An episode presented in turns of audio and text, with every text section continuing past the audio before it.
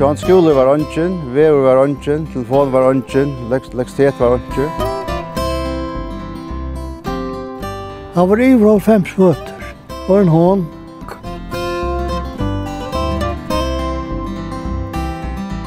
Ja, jeg pleier å si at det er det nærmeste vi kommer katakompene i Førs.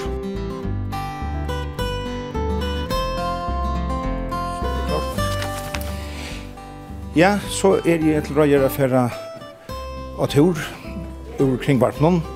Og i det er malle Male et sted som uh, jeg mengan har kort fram vi, og har vi også hendinga for kort om man her, men har vi omkant vi vært inne nærkast henne her, og jeg vet alt og lydig om uh, dette plåse.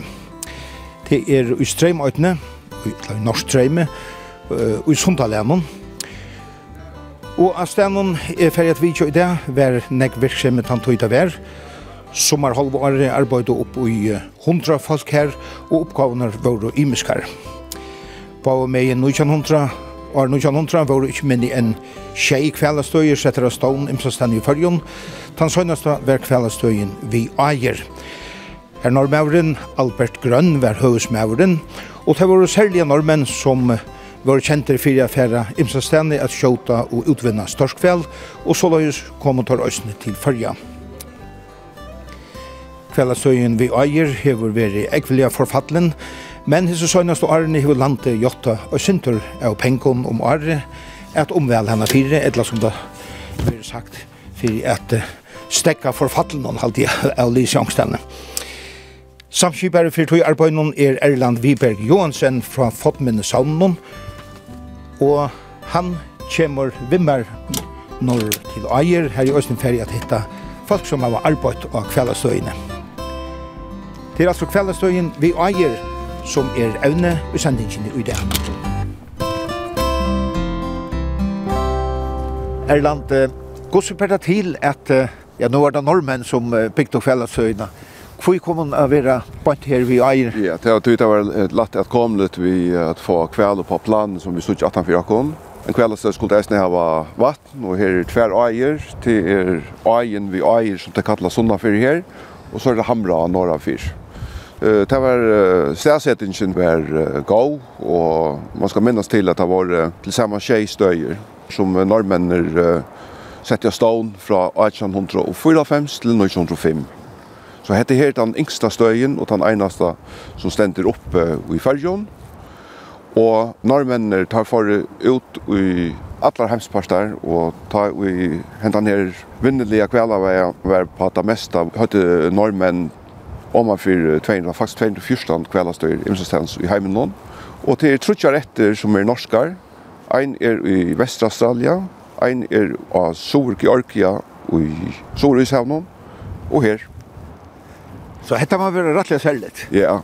Och i halte eisen man kan si att det er at uh, hetta her er lukka som en en sort utnar minne som uh, hever tøytning för uh, nutjar för ska söva tøy att uh, det är norrmenn som kommer vi utnei til landet, kvellabatene var dampdrevner, det var kvellastøyene reisende. Faktisk vil jeg si at det som Helge Jakobsen vitcher i Bogen, ikke ser kvelden i morgen, her han legger dette om at i enden, at dette her er faktisk rettelig spennende for, for før skal vinne så vi alle føren, at dette her er den første utnei menneskene først. Altså kan man si at uh, dette er vøkken til förskon ut nej. Det tar väl så att jag ser att det där man är fabriken och Öström som Lutsen satt den i havn eier i det, og her 8 nek var, men dette her er lukka som, det som køyrer, kan man säga parallellt vi, vi slopptøyene, altså. Det er medan uh, färja gerast uh, fiskvinne tjau, og så kommer norrmenner vi, vi så innom, og, og er her og fram til omlai 1930, Ja, nu, nu standa vi drattelig nylig her. Vi er tatt vi kjekven her, og her er jo fløyre hus, og altså her er jo det som man kallar fjøruslatt, altså. Ja. Så hade vi varit sälja väl ekna. Det låter lite kanske och inte streamer alltså men jag vill säga jag ska säga att det är att det är nog så harpeall i eisne. Det kan det vara om vet. Vi vet att det är att det döms att han första den norske smiren som kom till Januar där uh, Harald Thomasen. Han kom så her ta ta ta helt på att Janar. Och han har ju haft en sån arbetsdag bak. Han tar fisk så kommer om var för att starta upp. Och ta är det näck som är färre av kvar norr. Det är han som liksom ser till att jag får ett gång datter så så och särskilt kom de mynten så är stöjen alltid vanlig en stant. Rotar blottner och så är men men det är han som liksom ser till att allt blir starta upp. Ja, vi får så gänga oss inte runt här, men, men Erland, hvordan hus er det her som høyrer til kvällastøyna? Ja, de reie høyrer til kvällastøyna, og de gode høyrer opprunnelig til kvällastøyna, men de gode til her som brandskolen er, her i brandskolen hever uh, utkjør, og hever uh, sina brandvendinger reisende. Men altså, de gode husene høyrer opprunnelig til, uh, til kvällastøyna, Og her er en, vi husen og uthusen er kanskje en, en, en 15-18 til. Det ble ikke godt kveld alt og ære. Det var sesongarbeid, det var fra byrjan vare og enda om heste. Og så rikket man så av, og følte ikke for så til hus. Og det som, er, som vet hvordan alt det var spennende, det er at at dette her er lukket som støyen som gjør til at, at uh, feltje, hvordan arbeids, arbeidsfeltje i, i, i Sundtalen finner sammen og knyter lukket som Sundtalen sammen på, på enda maten her. Ja.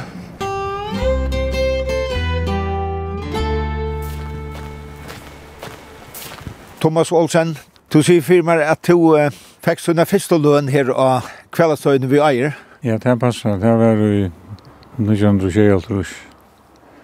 Det var tog med løn 30 kroner 8,5. Og jeg arbeidde i halva løn. En av kroner 9,5 tog med. Altså, jeg har et arbete at, at uh, vi er vinsegutt, som vi kallar det det var norsk løn som går på planta ifrån Norrmannen ja. er flensaren. Og flensaren var var uh, Vi kallar han Jekman Kjersikko, Jekman Zachariasen Strennese, det første året. Og han var blivit så mykje gammal at han, han leif oss her. Da ble det Edvard Petersen i Høsvøk. Han arbeidde inn eksamen vi, og så var det tøyre.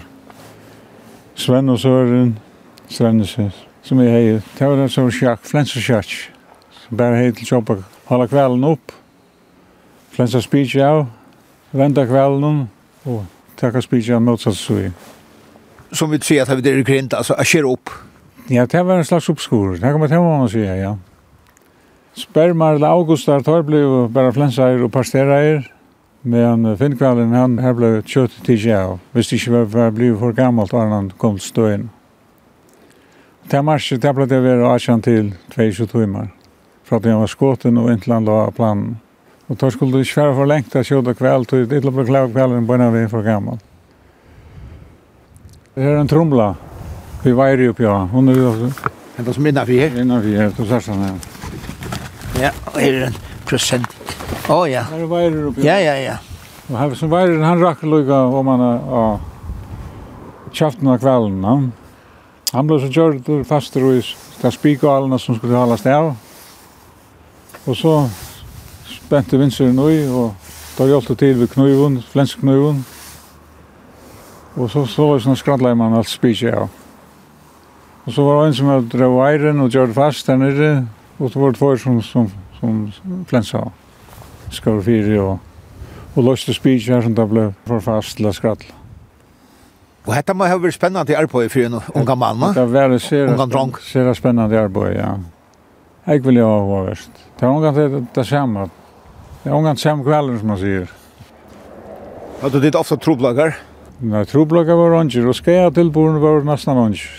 Men jeg trykker ikke kärpa det jeg ikke inn på det der. Det trykker vi alt, som så som det jag kvirs då.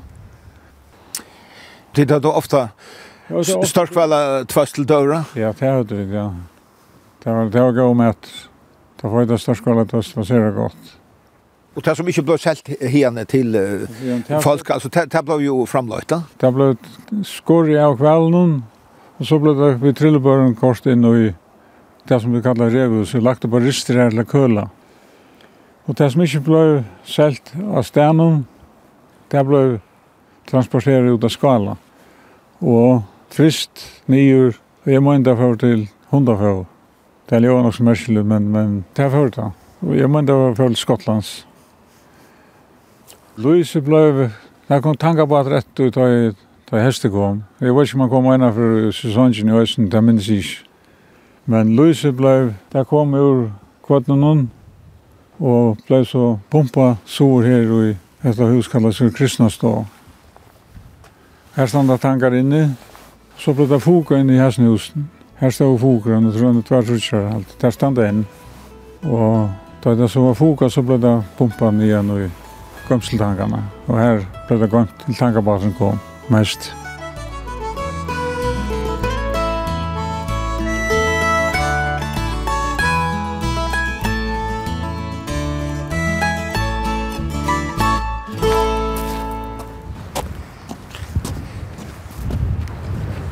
Det var løse først og fremst, og så var det eisende mjøl. Mjøl ble brukt som som rev og mikkafauer. Og så kan man säga så eisen till att det ble eisen selt till matna. Och hentan er så var nok något stort lite till att ta i norrmännen komma. Ända så har vi sagt här norra att ta i fela i spyr om man kan sätta stöjen her, så ser på inte jag till finnas slä. Men jag vill gärna tycka vart här att att fack kunna köpa först för en pojla pengar. Og det ble så etterløyka, og, og bygdene her om leier, og inn i Skalafjøren og Eresand er kommet batar her av støyen og kjøpte til Grannaløv og til bygdene, altså. Størskvelda først, ja. De som her var en av som alltid minnes 16 til at jeg var her vi veier vi Trillebør og, og, og Baljon og, og kjøpt Viheim. Alltså som momenten som vi har er, er flere båtar som er her, og det er på båtar altså, er man man er menn for for at att vara hem til bygden altså man brukte allt, alltså allt. Och inte för borster. Sånn beinagrunden blev mjølva sunt. Det lyser som man i gamla döm brukte man ta till till brennevne, till till götelekter i Europa.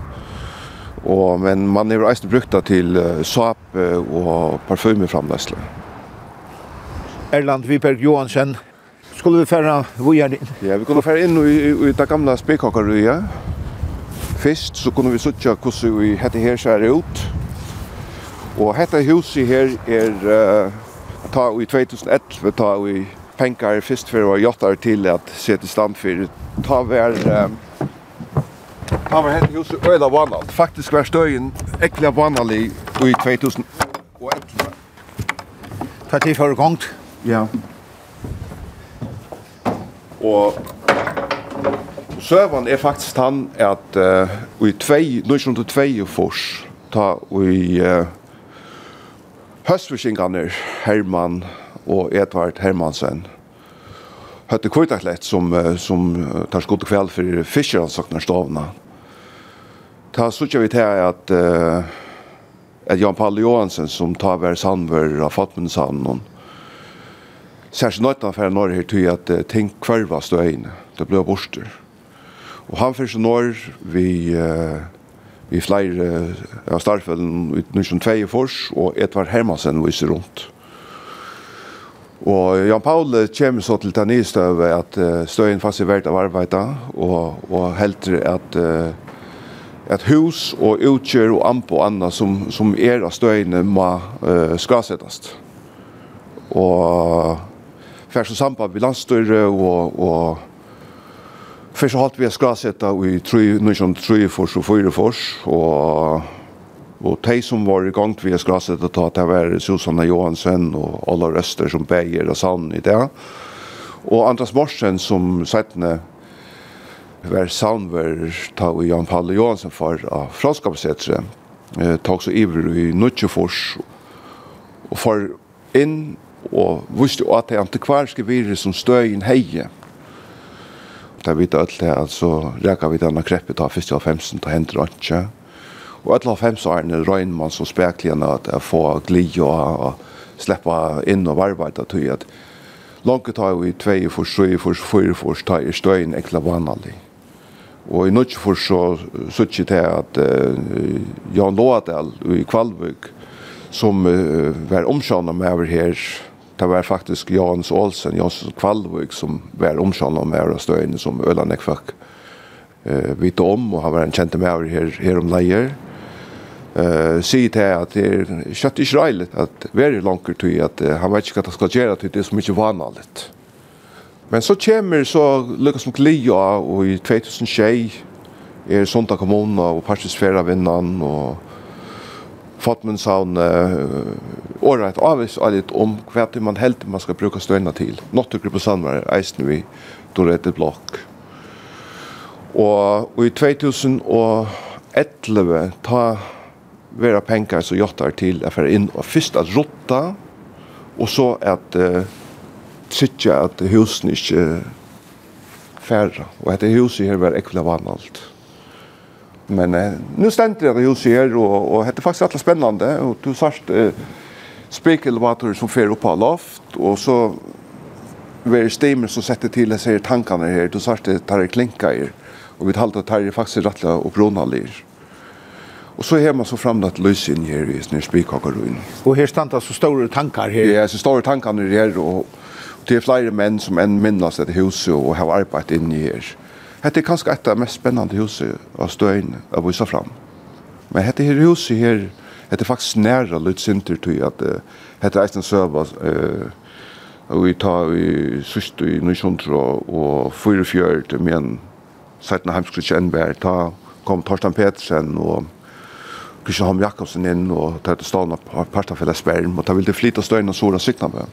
Her er en annen støy her i steg Og ta røyne man så man börjar täcka nyer og man börjar att uh, göra klart där sjore men noen år gänka og så kommer Nils Morsen, og vi er sjore ja, i sin parta för de kommer norr ur havn kommer norr her, og sier til at uh, de må täcka vi at uh, täcka nyer tog at det ikke er penger etter, vi må få gang gång datarstöjn Og så händer det så, det som fikk vite at uh, først vi holdt russen ta for uh, sjåenbansjen som, uh, som var en vinnebansje og støyen her fer vi i fattelen nesten. Da er vi bansjen så var enterreister, så kommer, uh, i slutten så kommer uh, Kjølbruk Klaksvig inn og stånar parstafella kvellarakster i 1955. Og Og nå i måten skjer støyna, og hever så støyna i gang i tru år fram til 1988 og ta forstøyen så gjaldstek. Og til lukka som ta løysta sig slanker støyen er åpne greier i trusjen og fjersen Esmar Fokle og Hans Kjapal Hansen i havn og nekker sundalagsmenn og eismenn er inne her nøkker år og så i tjei av fjers ta komma høstvikinkene inn og kjata kvel og den seinaste kvelden kommer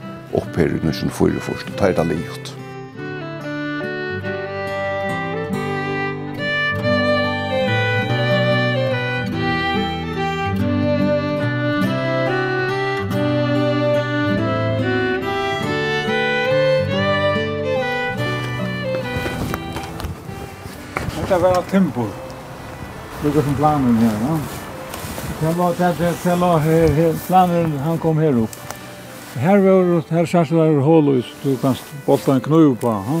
Ja. Så må leta rundt ved en nok så hver fyr. Spikalna ble så kort og så sliskne her. Og dette var røymdrivet, røym tjekken i hus her, hver en dampmaskina. Til leta rundt alt systemet. Og transportbandet ved skuffen og resten av det standa her.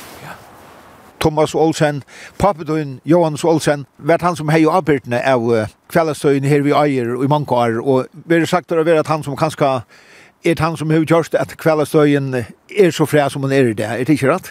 Det passer rett. Han er jo avhåa for støyen. Han ville omgang til at støyen skulle bli så ring og standig at kveldisk kom til å tidsen opp.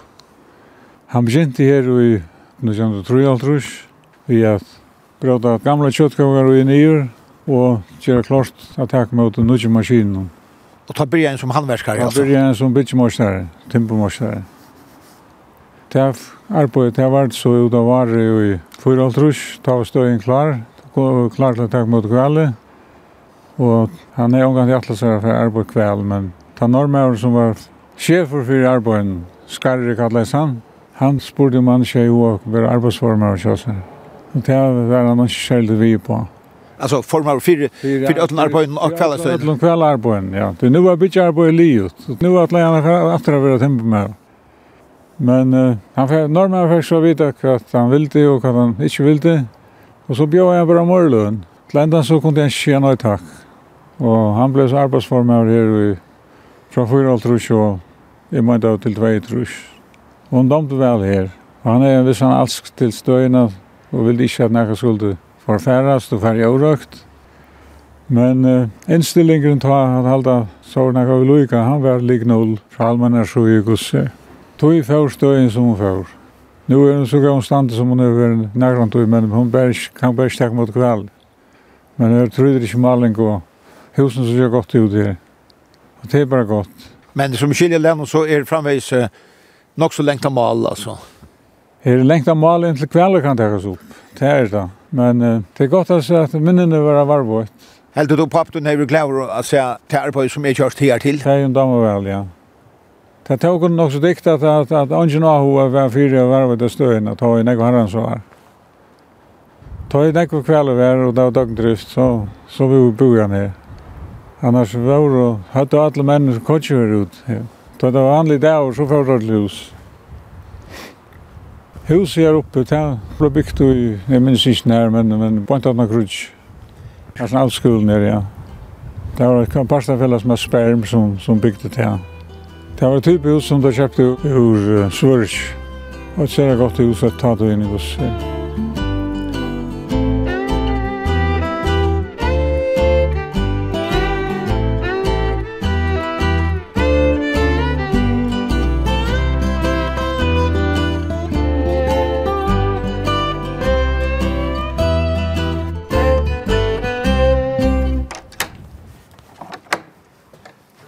Nå er vi så inne i noen ørenhus i her Erland Viberg Johansen.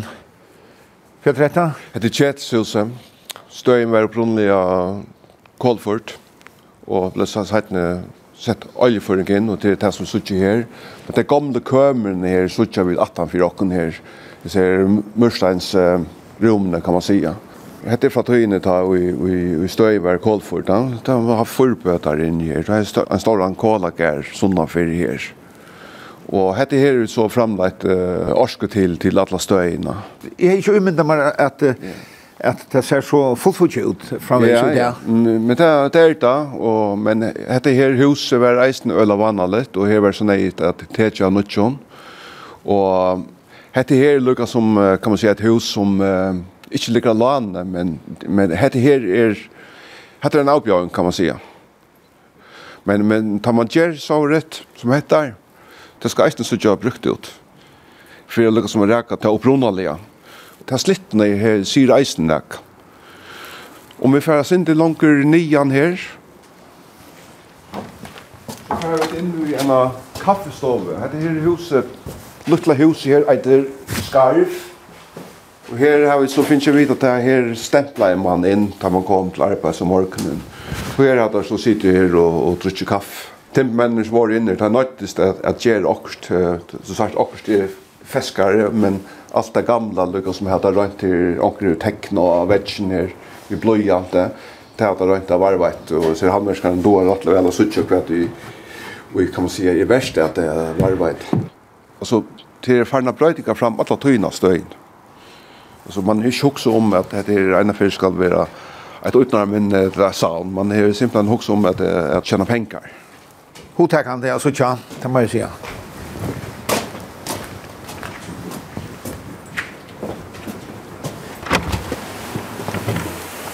Hette her huset kallast Ebenezer. Hette her elverste som kom ena for um, første altrusjonen. Fyrir det Ebenezer, det vet vi kjattelig. Onker sier det at de tog ut av minner om samkomhuset vid Näsarhavn, det gamla ja. Og, og, men men alle husene her har nøvn, altså. Her er så ønsken utkjør etter upprunliga fra, fra Elbergsnon. Men på sauna, fottensavne, för for å skasette utkjørene her av støyene. Det har det äckliga ringt att släppa in någonstans, men det enda vi att det släppa att lägga ting in här. Det är en strejbanken här uppe som är faktiskt era sort, kan man säga, klenodium var bukserar inn her vid lastbil og kranabil og jeg vet ikke hva. Og så er det kanoner og harponer og annet som er lagt inn her, amboltar og, og kvarta søgnon. Ja, her er vi mest. Ja. Hette det som ble skått i, i kvelden og så, ja, harponer, så ble fast. Ja. Hette det harpon. Ja, og så kanoner som, som er, er kom så sånn her pø pø innan savn. Og hette her er man så helt... Eh, hever, kan man säga, värsta varvet att tog att man, som sagt, alla tyner också om att här var sound eller annan framsyn i hela stöjningen. Det är andra ting eisne som uh, vi det här var ärastande och sor uh, i havn av sounden. Och så har vi uh, faktiskt en rikve av, av mynton eisne. Så det, det blir väl till tjockon om omstövna är tillta att häva en framsynning. Och så är det tunnan här Hatt det utkvikstånden fra Kvitaklette her, som vi var oppe i mastlene. Ja, oh, ja, så løs her nå. Hun er nok så høy. Kjømmer nesten opp på akslene her, Amar. Så kan du sitte, altså, ja. sender lakre og sender hakre, alt etter... Akkurat. Allt efter om kvelden særlig, like Ja, ja, så då har män tält menn telt sine, P J PJH stender her, och Ja, det är säkert en navn. EH, 1900, och Ja, det kunde vi Edvard Hermansen, vet ikke. Ja kanskje. vi hadde en evnesvik sammen vi, uh, vi skolan i Streimen. Da hadde vi sånne ting her i Eisland. Det var grunn av stått litt av arbeid sammen med nærmengen på tannmaten. Det er helt av stått litt. Det var Eisland her av kveldastøyene. Var det hodtidgen av støyene? Ja, som var ekkelig hodtidgen av det. Altså, det var Eisland lukket som at, så, sånn at de unge finket tilknyttet til støyene og faktisk så halda vi Eisland til at, at støyen er en sort um, er virkningsmikkel for, for kommunene og for uh, sånt alle sin heilt.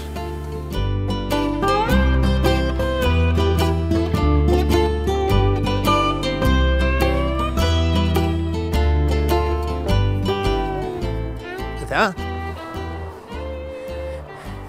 Her er grunden.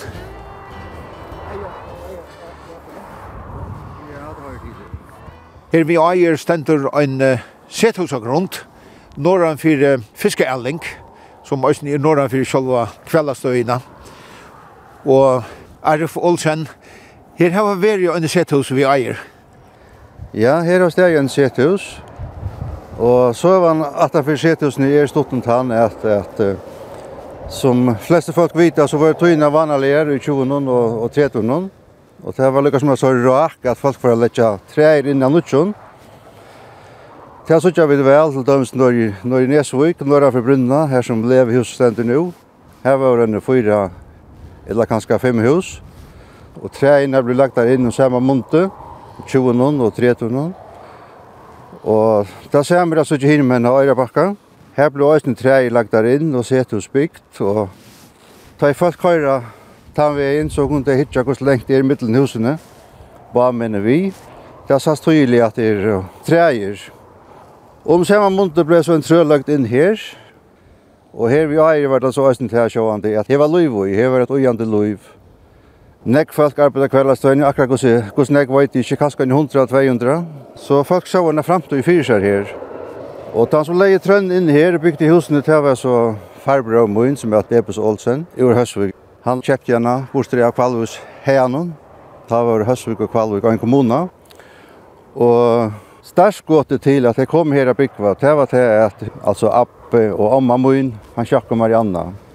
Husen kjatt heime før av vinter i Høsvik, i 1933. Det gjør så til at jeg lukket som tøk så sammen og gjør husene li og her og flottet så her norrur i, i 1932.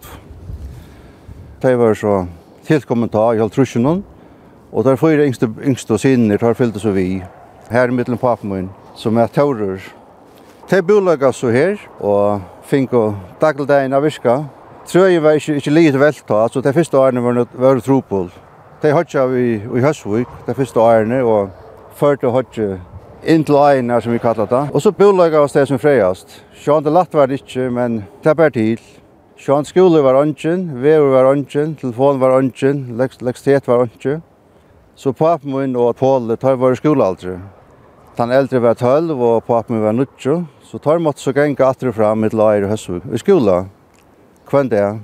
Det er varit alt en 30 km och väg var ønsken. Och så tar den äldre Paul för urskolan, så 14 år gammal så så gick pappa min ensam åter fram. Det bolaget så här att tro att til Arne. visse med vi kveldastøyne, Og til ut at du som trøyen her jeg djeva, heter høner og donner og, og Neit, Og de dömde väl att fiska, så de fick alt i potten. Men det som så hendte, det är att krutje kommer och ta välja det så att flyta och det flyta till havnar. Komma så når att det här i 1945 där krutje är va. Tar det bara om og upp mun och så på mun som tar er i fevja blå vaksen. Och här bolagas det så och det buss han som bygde husen han blev gifter flyttet flyttade till Klaxvikar. Papen med kjøpes og trønna og husene, og vi er så verand her sammen vi, vi foreldrene. Og han ble så 18 gifter, for kone, mamma og sjående, ur, ur Rytvik. De seta seg så nye her, hun kommer her i 1912 og får så det første baten i 1912. Og som vi skiljer henne, så trives det rymlig vel. Men sjående, her var, her var ønskeligt, men sjående kveldstøyen var her. Det, det hjelpte oss ikke på det. Men eh, drøngen veksta til, og skulle skola, Talega som halde til brinna hoksa seg av syndrom, manna fra treat, må heta nu er retta. Man ser østen til kveldastøyen til her brinna gengan i rett, nira bakka. Og pappen arbeidde i østen av kveldastøyen? Han arbeidde av kveldastøyen, ja. Han var nastform av kveldastøyen fra 5,5 til 8,5 trus. Johans Olsen i Kvalvik var, var form av ta. Men kveldastøyen, hon var bare aktiv om sommaren, så det var ringt å få, få urstøkken Og skulle de ha bostur av fiska, så var mamma ensam alle i bøtten. Det var det kan anslut til henne. Og vi var ønsken. Høtte haft håla av boja sindra tre, treet, så høtte kanskje vi veran her. Vevren kom, sust til trusjen, og fyrste trusjen. Og så hette jeg sammen vi at vi skulle skola. Den eldste skulle skola i 8,5 trus. gjør så til at jeg tog avtjur om at teg huset nyer og flytta til Hesvukar. Det er flott i kjell, trus. Så hette er verleggen om Pattenheim kjatt her? Ja, det er første året her vi lever her. Jeg pleier å si jo kjent at det er ikke løye, man er løyen. Da man har haft det første årene her. Jo, det første tve årene bor jeg her. Og husene stod også li i høst og etter 17 i 8 trus. Hette er jo vært ekvile lengt fra, man kan si, Øron Sethusson. Ja, det må sies. Det er veldig anslitt. Men sjåan det hei, familien var her, og, og familien kom og fjør, og, og løy var kveldestøyene. Og sindra ferslo var atru fram, så folk dutt av gulvet, da de kom og Ginko mellom Hasvik og Kvalvik og kanskje vi i Norretter. Så det var ikke ordentlig enn til, men sånn, det er mye vetterkvelden til jeg nok ikke var så hål i. 50 årene var det også ringt høy. Så husen ble til nye og større vi, som man sier, brukt romvater, førte vi bat i ut til Hasvikar, og så brukt romvater her. Så 25 år var lov vi her vi Einar. Og trønne her, bortsett fra en trim og fyra åren under krynen. Så i kjeltrus, da, da ble det også kaldt. men så det var två år där flott igen så jag är ikke til det, men jag har hört att eldre äldre til å minnes saker anker som har brått. Jag jag syns tåsa vi äldre systrar bara som som minnas togene her. Det var här för att de somrarna och och de tog ölja vel. Så det går minner till här. Ja, det ser det ja.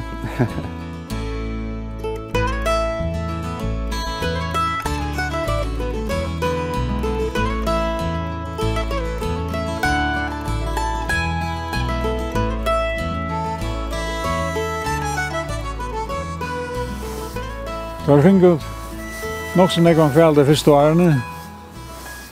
Jeg minns en av en røyer, han kom inn med 6 august. Jeg tror ikke jeg på hver søgjene. Det er det meste jeg vil si. Det var en særlig sjøen? Det var en særlig sjøen, ja. Da gikk han ikke så kjøtt som han annars gikk litt leiser. Annars kveld på at han gikk og jeg ville kjøtt. Det var tog om, om Hammarskjølen. Det kvelden hekk at vi, at vi i båren. Tror ikke jeg på hver søgjene. Ja. Det var en ordentlig fangst. Gav ut ur som sjamanen. Thomas Olsen, ta nek var kjere her. Ta var inntøkan gå? Inntøkan var gav, ja. Man fikk jo arbeid jo i tog og Og det var ikke mer jeg med tog, og jeg tog hun gav dobbelt lønn, så det var ikke lønn. Selv om det var halv lønn, så var det dobbelt halv lønn. Dette var Reva Brygvin, og dette var Revhuset, som grunden ble kalt av i. Og her oppe i hjørnet her var versteg, maskinversteg. Så det gav minner du hever igjen? Ja, gav minner igjen, ja. Grannabaten kom så inn i møte, da han kom i kveld, han kom inn i møte, lukk inn til et eller annet som stod. og Så kastet han kastet inn i land, til til der så var kajen her, eller brunnet, rød brunne. Så bare kan jeg fra at han løste kveldene fra, fra seg selv. og Så fikk det ut at han var vei. Så ta nek för att få ta ta driv driv då har kalla på. Ja, det gör det. Ta helt bara fri om om dem er så stod dem som var som var. Så til norsk navn som vi har brukt her? Ja, det er så halv norsk og halv først, det var ikke rettelig, ja. Torskene? Ja, det kunne ikke torskjøs for det, ja. Men man er så valgt å kalle det for torskan. Kvernan, kverner, det kommer fra kverner versmine i, i norra, og hitt huset her sore kallas Titan til et enn maskinversmi i København. Så man er jo lukka som sett nevn av et husene, kan man säga.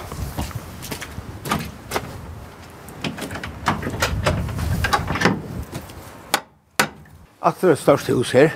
Ja, hette her så øyla står utkjør som er her. Hette så er Atlas Copco. Og hette her er så ut kan man se i mer ut i nutjara parten av kvällastøyne men detta hus är alltid stäj här man men det är brått näck alltså här hemma så framlagt uh, mjöl detta hus är så brukt som uh, temperkansle tja tempmann och där har var sån utståndan där där är skär nu till att uh, jottan roppe för år Jag tror jag säger att det här uh, upplever man näkt ting som man som man ikke opplever annars i fargen. Ja, som jeg alltid, det er ikke avhållande. Ja, jeg har alltid som du ikke ser er det stämmer. Du förstår ikke? Nei, nei. Men jeg skal vise at det er noe annet som er uppe att det er mer spennende.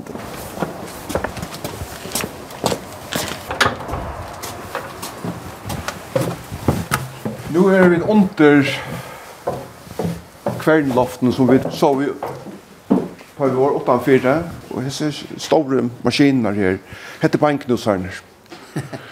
For at det här är veldig kraft. Her er också sagt att öll en halv kväll kan romas inn i jag ser bänknusaren i sen. Hette er hotekant. Ja. Jag kom då imenta mig att det gamla Osta världsminar. Yeah. Her var så rum. ja, jag pleier å si at det er det nærmeste vi kommer katakompene i først. Men, men uh, jeg har hva skøyte på å si at, her, at, uh, at nu i august var uh, norrlensker uh, tjå sounds stjårar i fyrjon. De kom norr og så sovjet her. Jeg, jeg må si at jeg, at jeg, jeg lurte jeg vel etter at jeg satt i hooks og hooksa. Og faktisk så så sier ein at dette her var faktisk var det som kan kallas for maritimer utnavararver. Altså det er noe helt særlig, det er etter til utnavararver, men det er eisen noe vi sjekkvinner gjør. Og de så stora møvleggere i støyene. Og det gjerne vita mer hva for henta. Og det som det hefte seg mest vid, det var faktisk hvordan man kan mila hese her støyene. Som, kan man si, at utan min, så sånn at jeg fikk en av en fætene og en oppleving av hvordan vi, den her vinnan hei vær. Og her nere, det er helt det var och troligt spennende. Det er store tankar altså. Ja. Det er knusar inn i ui. Det er en kvøtten er inn i ui her, altså, som mäler runt og och knusar bäj beinagrindarna kväll. Det er nok så hotagande att. Det är sjukt.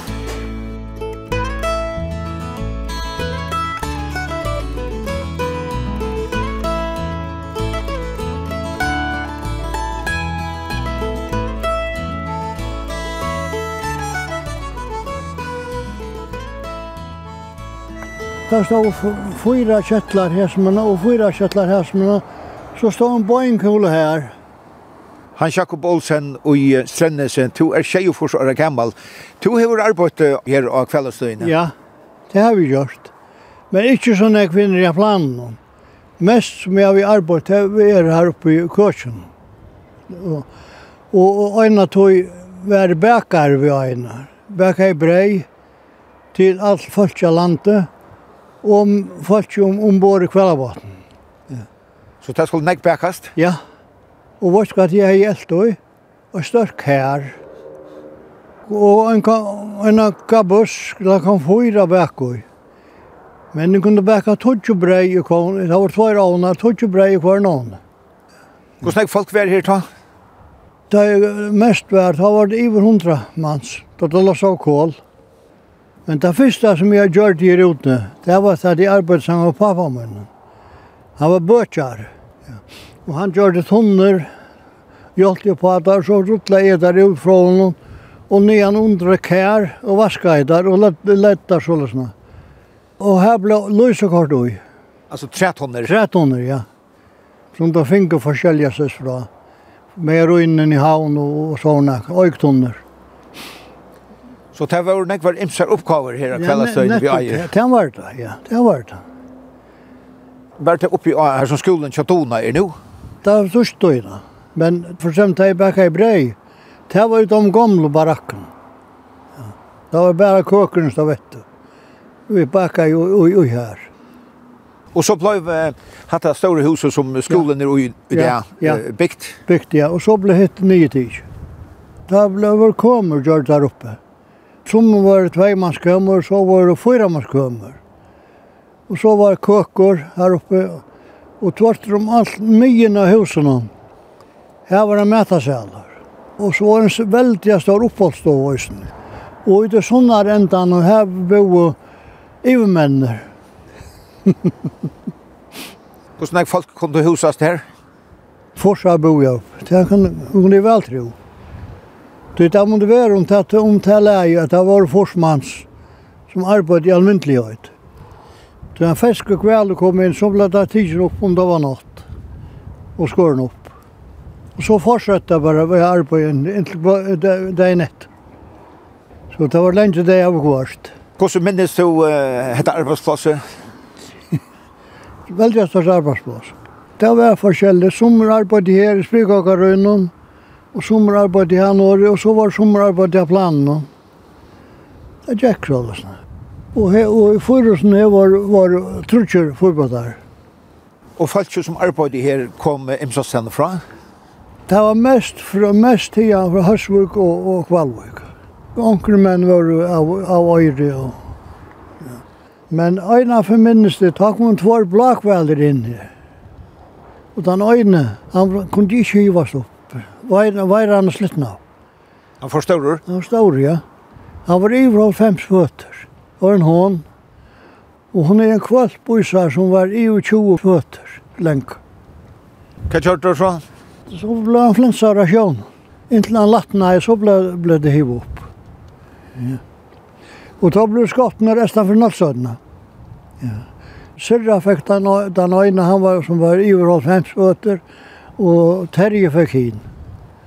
Det var bortjarbeid som skuld. Han speter og gikk på. Pappar var normaur, han var formaur i støyen, herald. Det var tørt fast og kvellabatene som kom inn ja, i kveldet? Terje og Syrra og Heikar. Det var batene som var her. Hine, hine var i Sorøyden, Røyer og Sumpa. Det var Lopra. Det kunne være flere dager i midtelen. Og så kunne det godt komme kvante kunne godt komme inn i en trim fyra sen. Jeg halte av fra mai måned og, og til oktober måned ut. Det var sesong. Så hadde jeg kveldren for æra veier. Han kom ikke, ikke, ikke så løyene.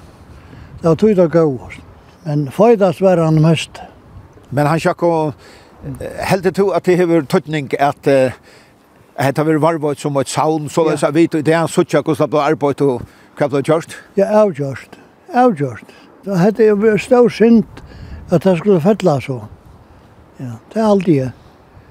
Etter for som spikakar og det var alt nesten forfattelig. Men nå er det de aller fineste. Så det er gledes du om?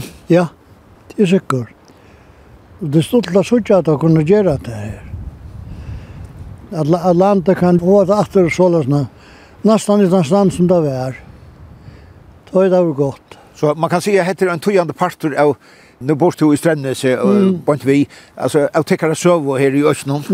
Nemlig, ja. Det er det där. Det er det där. Nu kunne det gått att en kveld opp, hvis du vil, ja. Men nu är slaft att kjøta? Nei, det ser jeg der. Jag ser jeg där så mer. Jeg Jag skulle ta finna löjv till det. Jag skått jatt.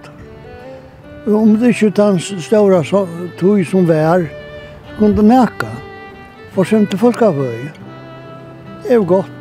Jeg fører kunne finne stapp.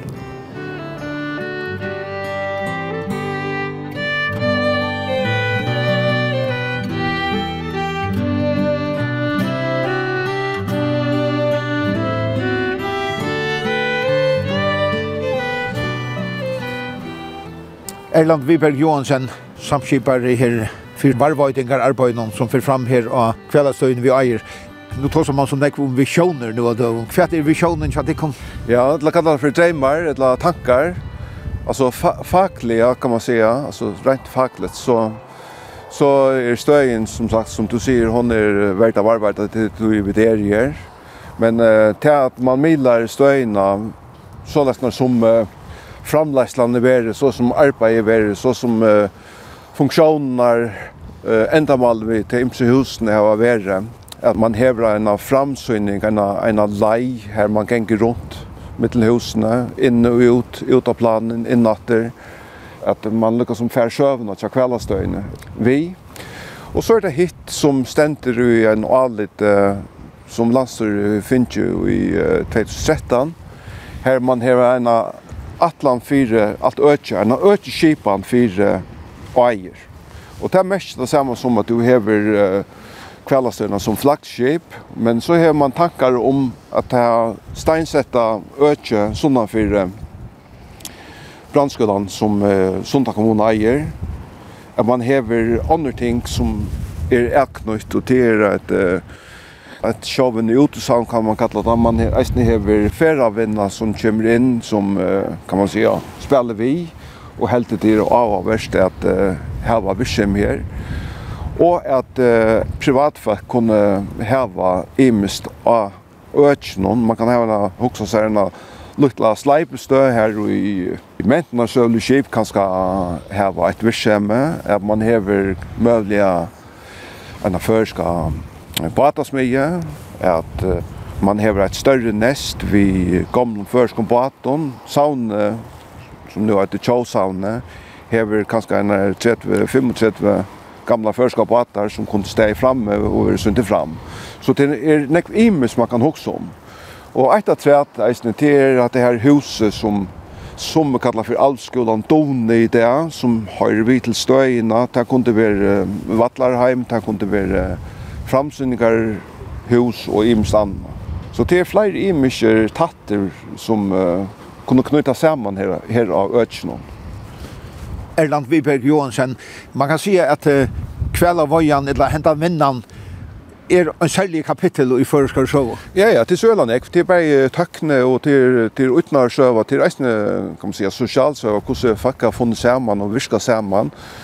Og utnar minne, ta vi til er, kan man si, utnar Arver, ta kommer det jo under mentnar sjøva i eisen. Så til er mentan av stenen som, ver mila i framtiden, som er høvsendamal. Og i nokre år har det finnes jo noe av så jottan, og tid har arbeidet for i år, men til å lytte? Nei, det vi veldig, i år fikk vi en million arbeid vi, og det var beina vi livet i var, og få vi 2,5 millioner til, til det sørste, så ta har vi finnes støyene, lukket som varvata, kan man si, åttan, og man kan færre holdt vi at færre inn og mila til imse husene hele stedet. Og til eit av tvært eisene, til det er at at Ergjør må sjåsat eis tekast om om brandskolen skal være her litt. For det er jo ikke sambærlig vi det her var et kveld av vei og sjåven og sånt, det er det ikke. Og her sier så ikke det at man ikke bruk for for en brandskuld, men ikke her. Thomas Olsen, Nu stannar vi her av planen her som eh, størkvelden kom opp og blev flenseier og blev virskeier vujere. Kvann tøtning heldig to at kveldastøyen, vi har varvøyt av kveldastøyene, hever for okkom som liv og idé? det? Er han tøtning at vi vet hva dere forfedre har, hvordan har strust og, og arbeid, og særlig for bygdene rundt om her, Høsvøk og Kvalvøk, Strennes og Øyre, og er bygde vi i langer norr. Dette kunne alt få glede av. Så jeg tror en tøyende parter av søvende ikke hesson? En tøyende parter av søvende ikke hesson, følelsen, ja. Så nå bor det sånn kommune hos. Så hette er nekka som tid, er du stolt av at vi sa fram? Vi, er, vi sitter brus på det hos, ja. Det gjør vi. Vi er glad for at nå ikke vi er ferdig for langere enn er ferdig. Hvis det var gjørst for 30 år siden, så så er det bedre til. Så jeg må være virver i husen. Det skriver jeg bøker om, om kvalastøyene og kvalastøyene. Og hette er en av de få kvalastøyene som er varvått. Det visste han øyneste i norr og holde og alt. Det var tvær bøker inn i Snerhusen. husen. Og her var en hore i Vesmøren. Så kom tvær menn sitte sen. Så skrytte så nere i ånda. Så tar jeg vekk. Vekker i middelen? Vekker i middelen, ja. Det er nok så smart, ja. Nesten trekk, moderne trekk og slip. Det stender enn. Det stender enn, ja.